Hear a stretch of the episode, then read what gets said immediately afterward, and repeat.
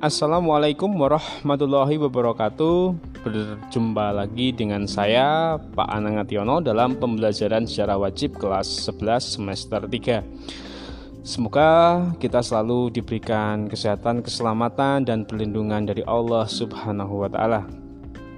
Pada sesi ini, saya akan memberikan penjelasan materi mengenai politik pintu terbuka, kalau dalam bahasa Belanda, open door politik atau bisa juga dikatakan sebagai politik ekonomi liberal yang pernah diterapkan Belanda di negeri jajahannya yaitu Indonesia.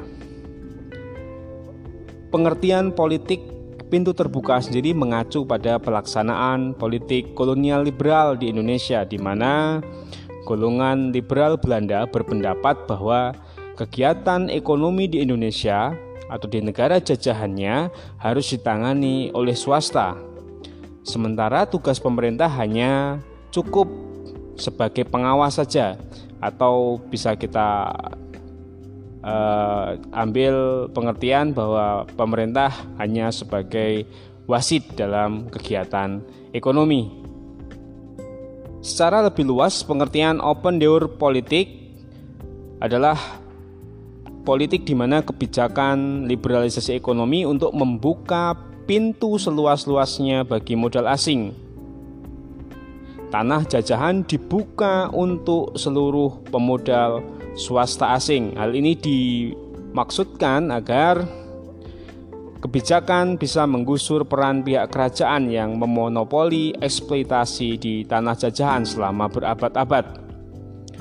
Dan politik pintu terbuka ini semakin memudahkan swasta asing tidak hanya dari Belanda, tetapi dari negara-negara Eropa lain maupun dari negara-negara Asia yang memang memiliki modal untuk menanamkan modalnya di Indonesia atau pada waktu itu namanya masih Hindia Belanda.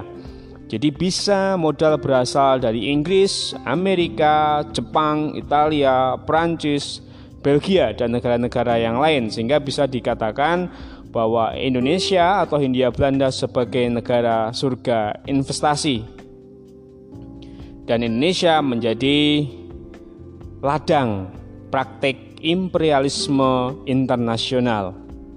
Lalu apa saja yang menyebabkan pemerintah kolonial Belanda menerapkan politik pintu terbuka?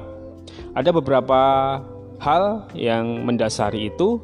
Yang pertama, pelaksanaan sistem tanam paksa yang sudah berlangsung sejak tahun 1830 menimbulkan penderitaan bagi rakyat pribumi. Kita ulang sejenak tentang tanam paksa bahwa tanam paksa diterapkan oleh Gubernur Jenderal Van den Bosch pada tahun 1830.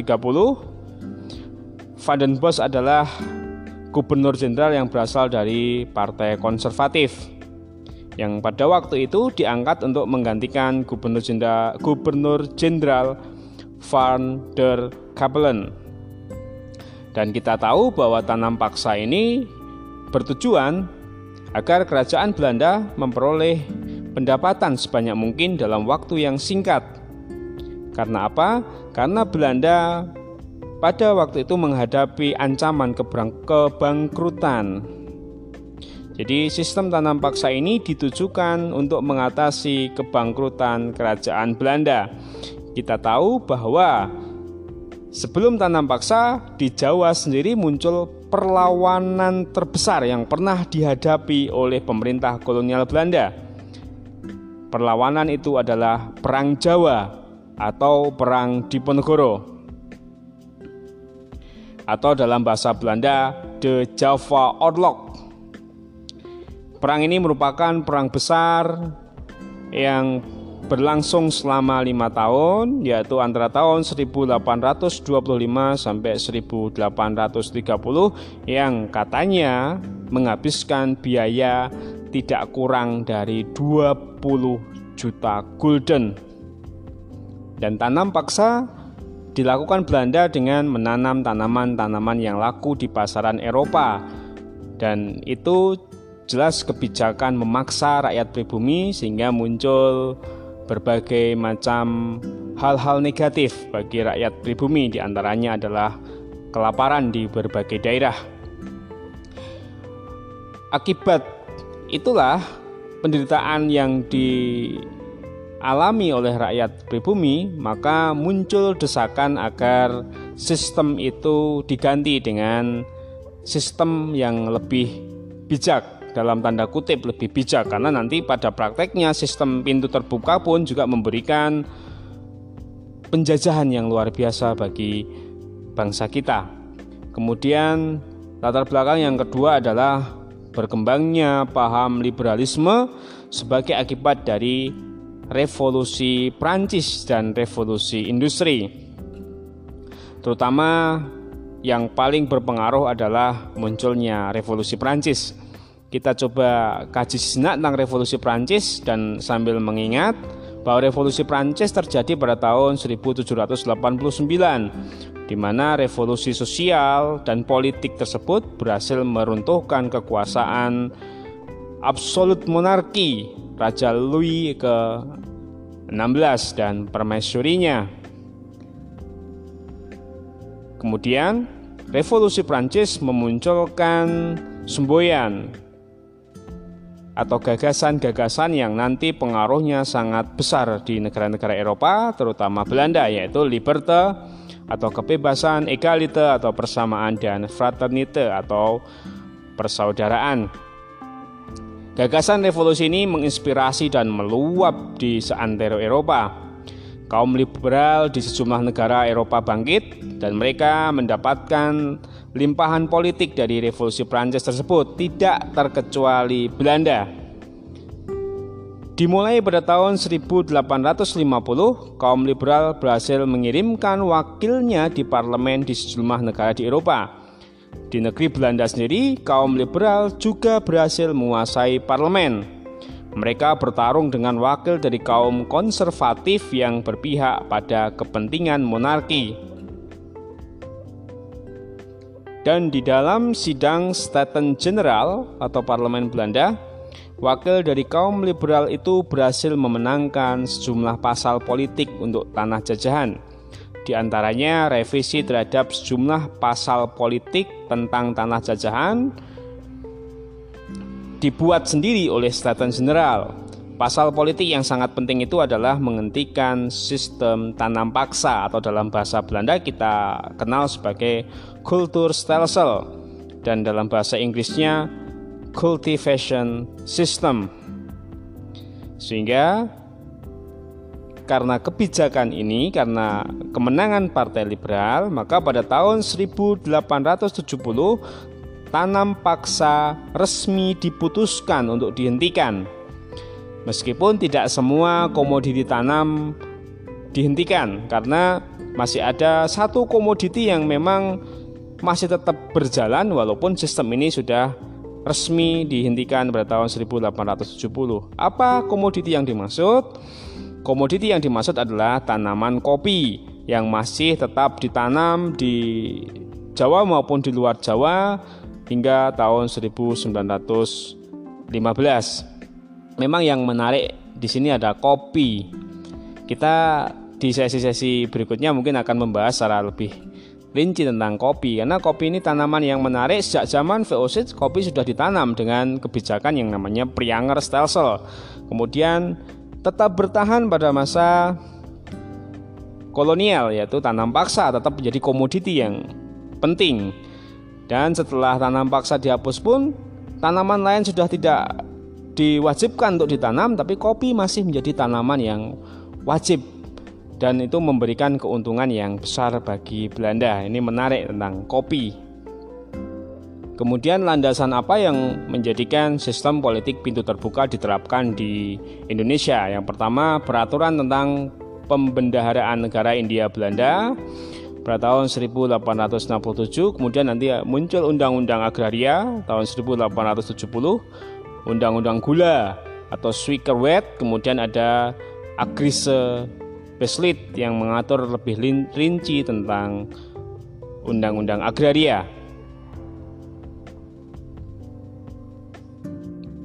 Dalam peraturan tentang pembendaharaan negara India Belanda, berisi tentang perbendaharaan negara Hindia Belanda diatur jadi dalam menentukan anggaran belanja Hindia Belanda ditetapkan dengan undang-undang yang disetujui oleh parlemen Belanda. Jadi bukan langsung keputusan dari Ratu Belanda. Namun harus melalui persetujuan parlemen. Kemudian dalam Undang-Undang Agraria 1870 eh, di, di dalam undang-undang tersebut salah satu isinya adalah tanah di Indonesia dibedakan menjadi dua macam yaitu tanah rakyat dan tanah pemerintah. Tanah rakyat sendiri dibedakan atas tanah milik yang sifatnya bebas dan tanah untuk keperluan penduduk desa yang sifatnya juga bebas. Kemudian tanah pemerintah adalah tanah yang bukan milik rakyat yang dapat dijual atau disewakan untuk dijadikan perkebunan. Dalam pasal 1 Undang-Undang Agraria dijelaskan bahwa gubernur jenderal tidak boleh menjual tanah Kemudian pasal 2, gubernur jenderal boleh menyewakan tanah menurut peraturan perundang-undangan. Jadi jelas bahwa sistem sewa terutama nanti sewa terhadap para investor-investor asing ini yang paling diutamakan dan tidak boleh dijual tanahnya karena kalau tanahnya dijual maka nanti India Belanda tidak lagi sepenuhnya dikuasai oleh pemerintah kolonial Belanda tapi dikuasai oleh swasta-swasta asing. Tapi kalau hanya dengan sistem sewa, maka nanti waktunya berdasarkan waktu. Jika waktu sudah selesai, maka tanah itu kembali pada pemerintah kolonial Belanda. Kemudian ada undang-undang gula atau Suikerwet. Ini nanti dalam undang-undangnya salah satunya adalah banyaknya perusahaan-perusahaan gula milik pemerintah yang akan dihapus secara bertahap dan diambil alih oleh swasta. Kemudian dalam Agrarische Besluit yang ditetapkan juga tahun 1870 ditetapkan oleh Raja Belanda dan mengatur hal-hal yang lebih rinci khususnya tentang hak kepemilikan tanah dan jenis-jenis hak penyewaan tanah oleh pihak swasta. Itu beberapa aturan-aturan tentang pelaksanaan politik pintu terbuka di Hindia Belanda atau di Indonesia dari pengertian dan aturan-aturan yang dipakai sebagai dasar bisa kita simpulkan bahwa politik pintu terbuka yang pertama adalah tujuannya mengubah tanah jajahan Hindia Belanda sebagai surga investasi modal asing. Tadi sudah saya katakan bahwa modal asing tidak hanya dari Belanda tapi dari negeri-negeri yang lain misalkan Inggris, Amerika, Jepang, Italia, Prancis, Belgia dan negara-negara yang memang mempunyai modal kuat untuk menanamkan modalnya di sektor-sektor strategis seperti perkebunan atau pertanian. Pertanian misalkan memang yang laku di pasar Eropa ada karet, ada teh, ada kopi, ada tembakau dan tebu dan juga tentunya tidak tidak lepas dari sektor pertambangan di mana di India Belanda kaya akan bahan-bahan tambang seperti timah dan minyak. Dan yang kedua, tujuannya adalah mengubah fungsi tanah jajahan sebagai pemasok bahan mentah untuk pabrik-pabrik di Eropa.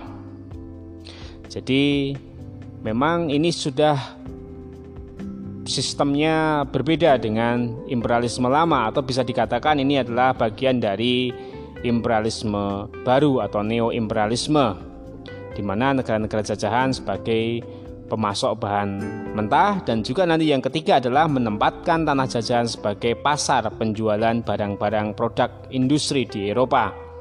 Dan yang keempat adalah merubah negara jajahan sebagai surganya tenaga kerja dengan upah yang super murah. Jadi itu ada empat tujuan dan empat tujuan itu bisa kita simpulkan sebagai bagian dari praktek neo imperialisme dan neo kapitalisme maupun neo kolonialisme. Selanjutnya, apa saja yang dilakukan pemerintah kolonial Belanda untuk memuluskan sistem open door politik? Yang harus dilakukan Belanda dan yang dilakukan Belanda pada waktu itu adalah membangun sejumlah infrastruktur pendukung seperti sistem irigasi yang dibangun untuk menopang tanaman ekspor Demikian juga dengan pembangunan sarana transportasi untuk menggenjot eh, laju penjualan barang-barang ekspor. Sehingga hal ini diharapkan bisa menopang investasi asing. Maksud infrastruktur itu dibangun yaitu di antaranya yang terpenting tadi adalah transportasi untuk mengangkut hasil bumi seperti kopi, cengkeh, tembakau, teh, gula, karet, dan lain sebagainya. Sebagai contoh, di antaranya adalah keberhasilan Netherlands Indies Stroomstram Maskapes atau NISM yang membangun jalan kereta api dari Semarang Surakarta pada tahun 1870 sepanjang 110 km. NISM adalah perusahaan kereta api swasta milik Belanda. Dan pada tahun 1878 NISM kembali membuka jalur Surabaya, Pasuruan, Malang. Dan tahun 1879 membuka jalur Bangil, Malang. Selanjutnya, pada tahun 1894 NISM meresmikan pembangunan jalur kereta Tasikmalaya dan Kesugihan.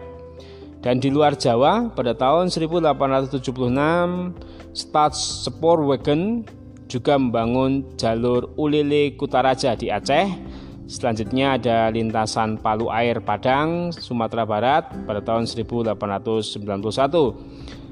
Di Sumatera Utara ada NV Delhi Sportworks Mitch yang membangun lintasan dari Labuan ke Medan pada tahun 1886.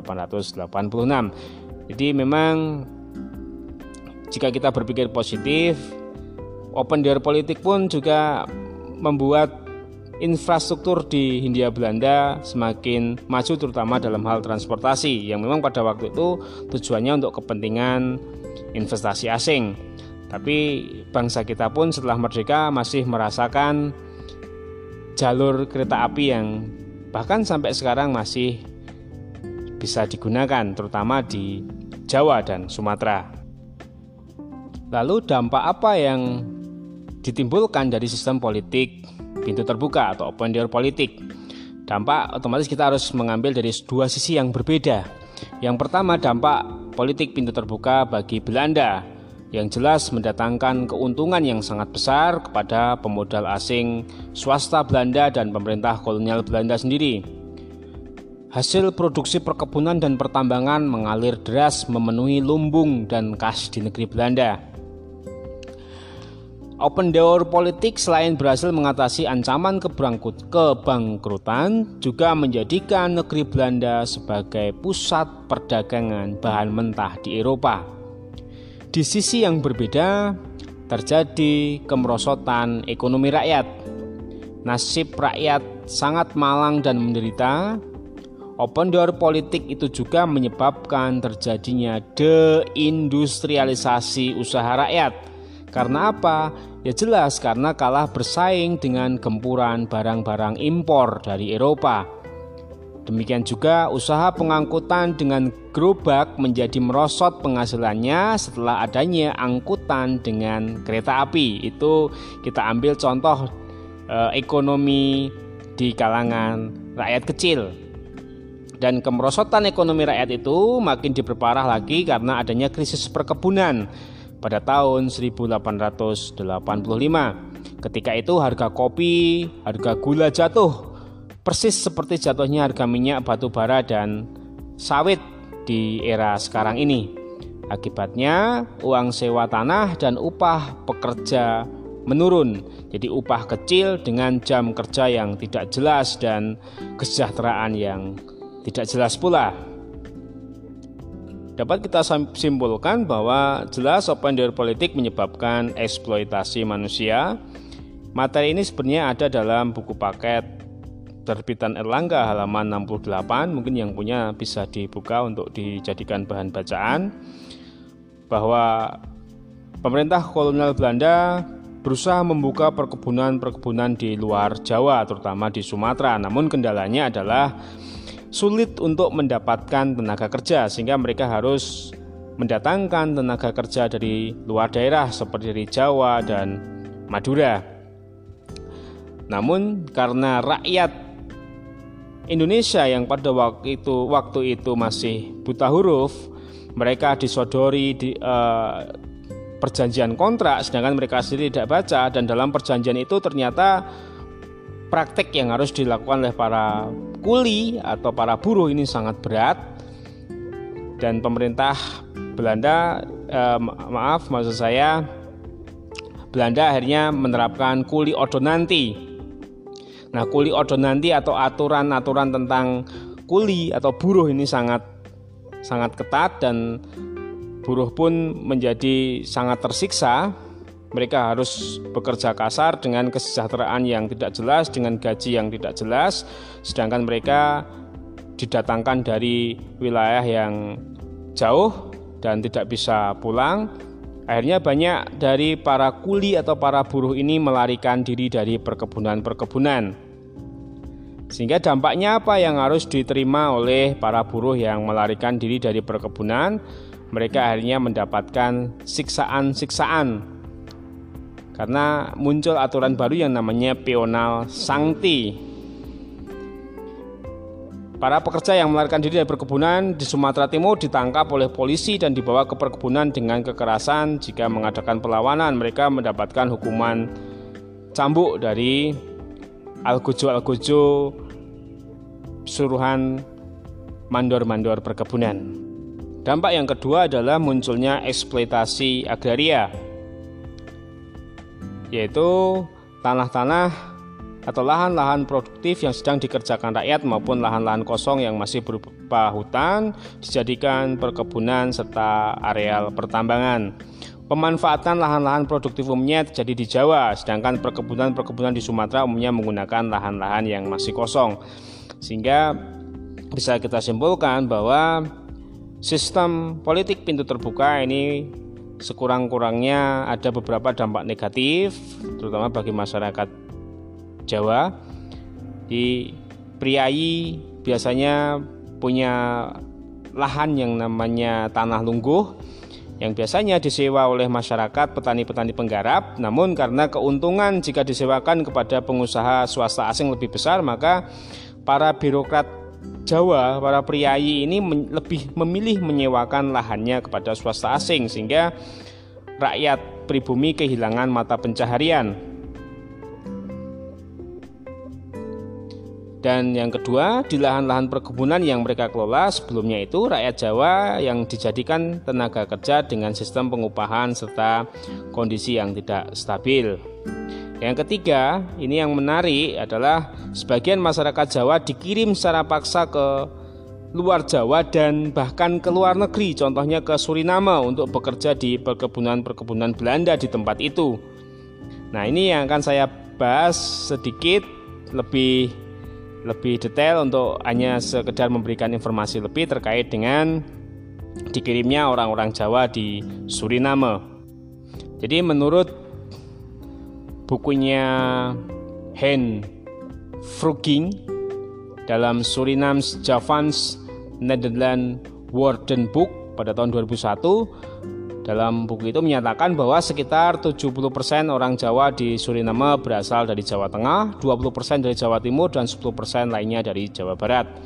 Kurang lebih 90%-nya adalah etnis Jawa, 5% etnis Sunda dan 2,5% etnis Madura dan sisanya adalah suku lain termasuk orang-orang Batavia asal Jakarta. Itulah yang menyebabkan mengapa bahasa Jawa di Suriname mirip daerah-daerah di Kedu, Jawa Tengah. Daerah Kedu adalah daerah bekas Karesidenan Kedu seperti Magelang, Purworejo, Boyolali, dan sekitar Yogyakarta.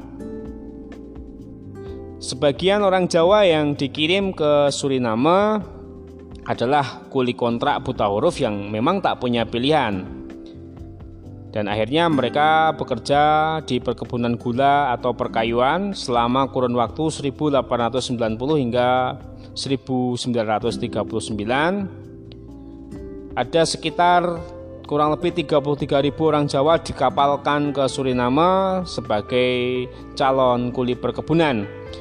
Mereka dimanfaatkan Belanda untuk menggantikan kuli asal India yang pada waktu itu memang dianggap banyak ulah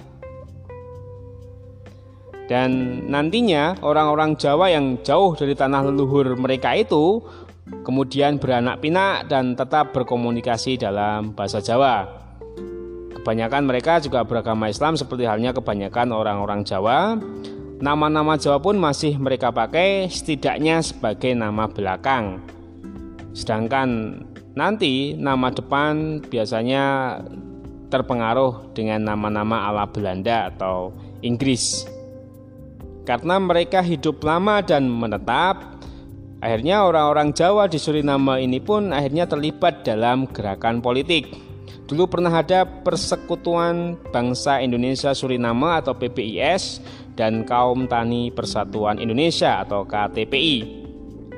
Saat ini yang eksis hanya KTPI, kemudian ada perkumpulan yang namanya Percaya Luhur dan Pandawa Lima. Dan beberapa tahun terakhir partai-partai Jawa itu mendapatkan kursi di parlemen Suriname.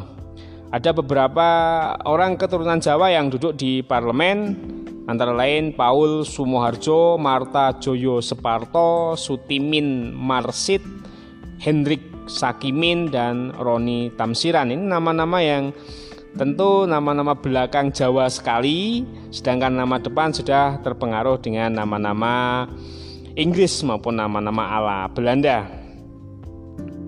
Orang-orang Jawa pun juga banyak masuk dalam pemerintahan. Selain ada Suwarto yang menjadi Menteri Dalam Negeri, ada Hendrik Setrowijoyo yang menduduki posisi Menteri Pertanian, Ternak dan Perikanan. Ada pula Gina Gimardu atau Gimardu Kromoseto yang menjadi Menteri Perencanaan Pembangunan Infrastruktur Fisik dan Pengelolaan Pertanahan. Ada pula Ismanto Atna yang menjadi Menteri Pemuda dan Olahraga. Pada tahun 1000, eh, 2015, maaf, eh, dipimpin oleh Perdana Menteri Desi Butters dan dalam kabinetnya ada empat menteri dari Jawa dan banyak anggota parlemen. Jadi walaupun orang Jawa atau etnis Jawa di Suriname hanya 15%, tapi orang-orang Jawa ini sangat terwakili dalam kehidupan politik. Nah, pertanyaannya apakah setelah Indonesia merdeka tidak ada keinginan orang-orang Jawa yang di Suriname untuk kembali ke Indonesia?